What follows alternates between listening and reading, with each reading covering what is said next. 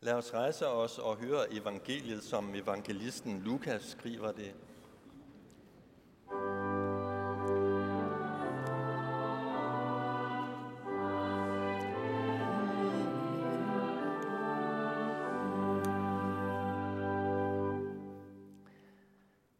Da Elisabeth var i 6. måned, blev englen Gabriel sendt fra Gud til en by i Galilea, der hedder Nazareth, til en jomfru, der var forlovet med en mand, som hed Josef og var af Davids hus. Jomfruens navn var Maria.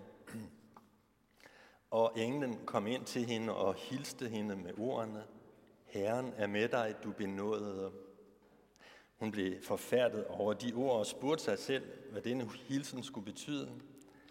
Da sagde englen til hende, Frygt ikke, Maria, for du har fundet noget hos Gud. Se, du skal blive med barn og føde en søn, og du skal give ham navnet Jesus. Han skal blive stor og kaldes den højeste søn, og Gud Herren skal give ham hans far Davids trone. Han skal være konge over Jakobs hus til evig tid, og der skal ikke være ende på hans rige. Maria sagde til englen, Hvordan skal det gå til? Jeg har jo aldrig været sammen med en mand.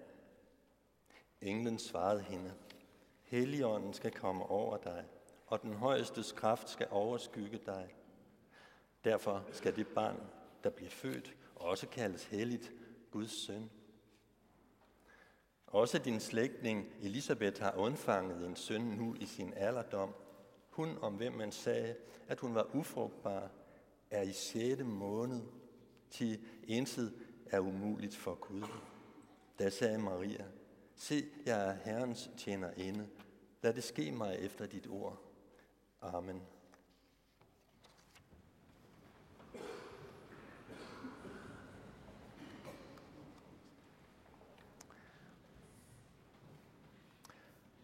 Børn og barnlige sjæle, når vi er i det følsomme hjørne, så tror jeg, vi lægger mærke til evangeliets fortælling om Maria hendes bebudelse. Eller når vi finder vores musiske sider frem, vores sårbarhed, så standser vi op, så kan vi stanse op ved fortællingen om Gabriel og Maria. En ung kvinde, retskaffen og blid. Hun får besøg af ærkeenglen Gabriel. Jeg har altid forestillet mig ham som en høj person. Han er gået gennem ild og vand. Han står i styrke, og han er lige ankommet fra Gud. Altså ikke fordi det er langt væk, for Guds tid er ikke langt væk fra vores. Ikke længere væk end Harry Potters verden er. Den kommer man ind i, som vi ved, fra perron 13 et halvt. Eller som i Narnia, eventyret om løven Aslan og de fire børn. Det eventyr skal sige, at når som helst og hvor som helst, her i eventyret var det gennem garderobeskabet hos en gammel professor en sommerferie. Måske bestemte tider og steder kan det ske os, kan det viderefares os, at Guds verden bryder ind i vores. Eller vores verden bryder ind i Guds. Under alle omstændigheder. Gud vil være hos os, hos os, og han kan det. Vi vil være hos Gud, og vi må og kan. Når Gabriel ryster sine fjer, han har det drag over sig, som man får, når man kommer fra en helt anden verden. For eksempel har krydset Stillehavet i en robåd, eller vandret tværs over indlandsisen. Så de første, vi møder, når vi kommer tilbage efter at have gjort sådan nogle ting, jamen, de ser op, og de kan se, at der er noget, der stråler ud fra os, selvom der ikke er sket noget, siden vi tog afsted. Og selvom vi ikke har sagt det mindste om det sted, hvor vi lige har været, så kan de ikke undgå at se, at det stråler fra os. Det var Gabriel, og det var så Maria. Hun er hjemme hos sin familie i de daglige opgaver. Lille, skrøbelig, bleg. Ikke fordi hun er syg, men fordi hun ikke går ud i den under den bagende sol. Det skal hun ikke. Det skal kun de fattige, dem, der må slide ude, udenfor i dagens hede og nattens kulde for at tjene til familiens ophold. Maria hører til de mange, der stilfærdigt venter, at Gud skal sende en frelser. Hun er efterkommer af kong David, som netop var så fyldt af den, der skal komme, den tid, der skal komme. Selv var han jo ikke altid, øh, hørte ikke altid til de Guds bedste børn. Nej, langt fra. Og så tydede han til Gud.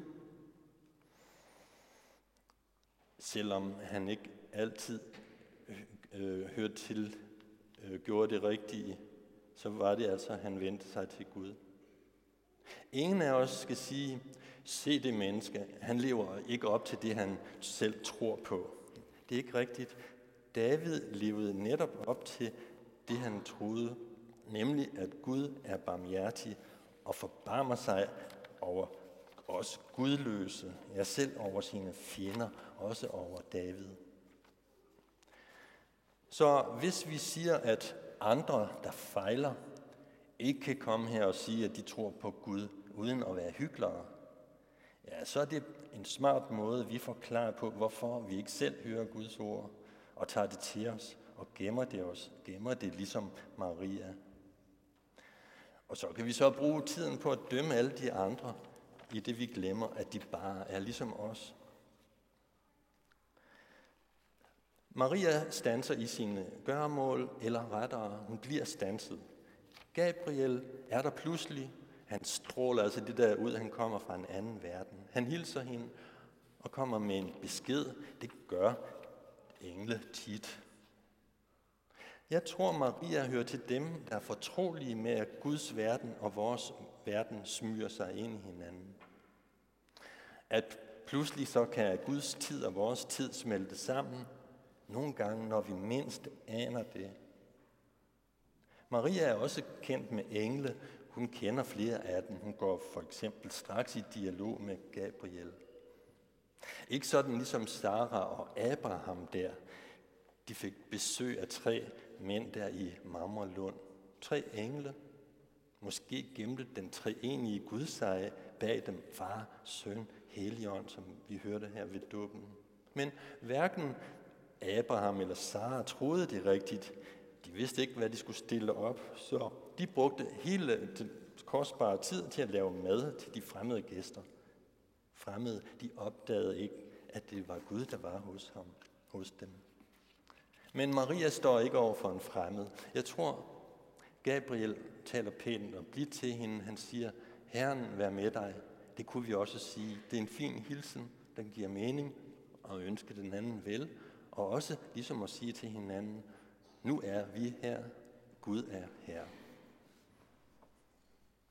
Derfor tror jeg ikke, det er det, der får Maria til at stanse op og nærmest blive forskrækket. Nej, hun er ikke mundlam, fordi at Gabriel kommer, som hun kender, og han siger, goddag, kære Marie. Nej, jeg tror, at Maria reagerer på det næste i hans hilsen, nemlig, du er benådet, du benådet. Hun mærker, at der er noget særligt nu, noget kun Gud kan have magt til at sige til os. Hvis vi kigger lidt i Lutherbibelen fra 2017, så får vi en fornemmelse lidt mere af det.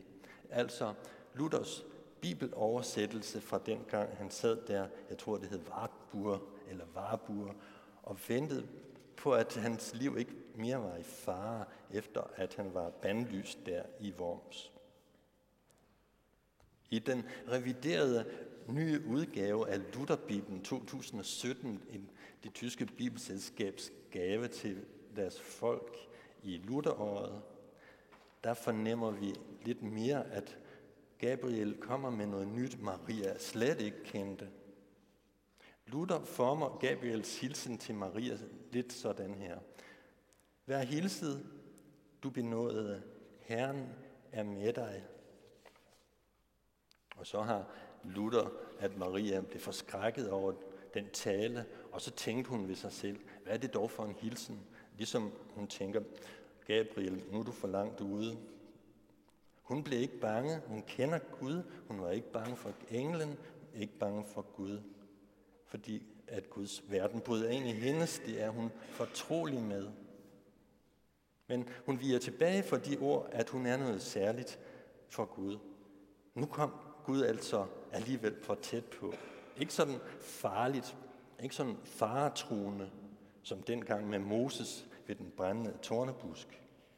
Men Gud kom tættere på hende i den hellighed, der stråler ud af hans kærlighed. Den er så brændende, uforfalsket, fuld af noget. Og nu skal der til at ske noget, som mange andre havde ventet. Den frelser, der skulle komme, gjorde hun. Men at hun skulle stå midt i det, det gjorde hende bange mere end noget andet. Så siger Gabriel til Maria, at hun skal blive gravid og føde, netop føde den frelser, hendes forfar David havde længtes efter, og mange andre. Så siger den realistiske Maria alligevel fra, hvordan skal det gå til? Jeg tror, øh, at hun har øh, sagt det på den måde, at Gabriel, han behøvede ikke at besvare det spørgsmål. Det havde hun selv svar på. Han måtte da vide, at Gud og mennesker ikke kan være så tæt på hinanden. Ikke at hun ikke tror, at alt kan ske, når Guds verden og vores verden mødes, når man ligesom går ind der på perron 13,5. Jeg tror, det er den særlige rolle, hun skal tildeles, hun viger tilbage for. Hun synes, det er vidt løftigt. Det her er noget ud over det sædvanlige. Hun skal blive gravid, hun skal føde frelseren, der skal komme. Hun bliver stille, hendes tillid til Gud er urokket, hun ved, at Gud er stærkere end noget andet. Men at hun skulle gå ind i rækken af konger og profeter og selveste Moses. Jo, det hun skal er større end det, de har gjort. Hun skal bære Guds søn hun skal føde Gud. Ikke som, ikke som rugemor eller medmor. Nej, frelseren skulle blive en del af os i kød og blod, ligesom os gennem hende. Og Gud skulle iklæde sig mennesket helt og sammenføje det, der gik i stykker, faldt fra hinanden. Dengang hendes og vores allesammens første mor, Eva, hun snublede og tabte alt det, hun havde fået skænket. Nu kommer Maria. Maria skal være den anden Eva. I Maria får Eva lov til at gøre det godt igen. De to kommer til at hænge sammen. Eva skal ikke forkastes, ikke erstattes af Maria, men sammen bliver de to kvinder til symbol på det største. Symbol på, at Gud har skabt verden, og symbol på, at Gud nu nyskaber verden. Og nu smelter ikke bare Guds tid sammen med vores, nu smelter den gamle skabelsesverden sammen med den nye skabelse. Det nærmer sig en sidste del. Hvem er kraften bag? Det er Helligånden. Ånden, den er hellig. Jeg har lært det på farsi, men jeg glemmer udtalen, men i hvert fald åndelig ruh og øh, hellig, det er noget med, det tør jeg ikke sige, jeg har glemt det. Guds skabende og levende gørende kraft er Helligånden. Renhed, selvhengivenhed, åbenhed, kærlighed, fylde. Det er den ånd, der ruede over vandene, da det var mørkt, og så blev ting til alt den samme ånd, der ruede over Jesus ved hans dåb. Og så fik han kraft og overvandt Satan, udfriede dem, der var bundet, og fik verden og Guds verden og vores til at være helt sammen. Og den samme ånd, der svævede over disciplene, så de fik kraft til at gå ud og fortælle om det her pinsedag. Og Helligånden kommer over os i lovsangen, i nadvaren og også dåben, som vi har oplevet. Også hos børnene. Maria og børnene viser, at et åbent sind kan sættes i bevægelse af Gud. Der hvor Gud kan få plads, der sker der noget. Når mænd får kontakt med deres musiske side, deres sårbarhed, og lader heligånden komme til, så er det ligesom om, der kommer noget feminint frem. Feminint forstået som det at kunne stoppe op, modtage, lade sig forme, blive del af en vældig skabelsesproces. Måske er det ikke for intet, at de syriske kristne fra den tidligste tid, vi ved, altså kilder helt tilbage i andet århundrede, ser vi, at de kalder Helligånden hun, Helligånden er kvindelig. Guds kvindelige side og mandlige, de bliver meget tydelige i Jesus, da han gik på jorden. Og det kommer frem alle de gange, hvor mennesker, kvinder og mænd, lader sig føre og fylde af ånden. Det her er ikke fortid. Gud er hos os. Ånden bor i os. Når vi åbner os som Maria, som børnene, så skal Helligånden røre os og sætte os i bevægelse. Han skal forvisse os om, at vi er Guds børn og er os helt nær hvert øjeblik. Amen. Lov og tak og evig ære er dig, vor Gud, Far, Søn og Helligånd. Du som var og er og bliver en sand treenig Gud. Højlovet fra første begyndelse, nu og altid. Amen. Jeg skal sige om nadvaren, der er, mens Thomas spiller her omkring nadvaren, at vi laver kontinuerlig nadver, så når der bliver en ledig plads, der har været nogen, så, øh, så kommer I bare knæler der. Og jeg vil sige, hvis I ikke kommer så altså tit, så få en Guds krammer heroppe. Vi skal ikke være bange for Gud. Det er Guds kravlegård.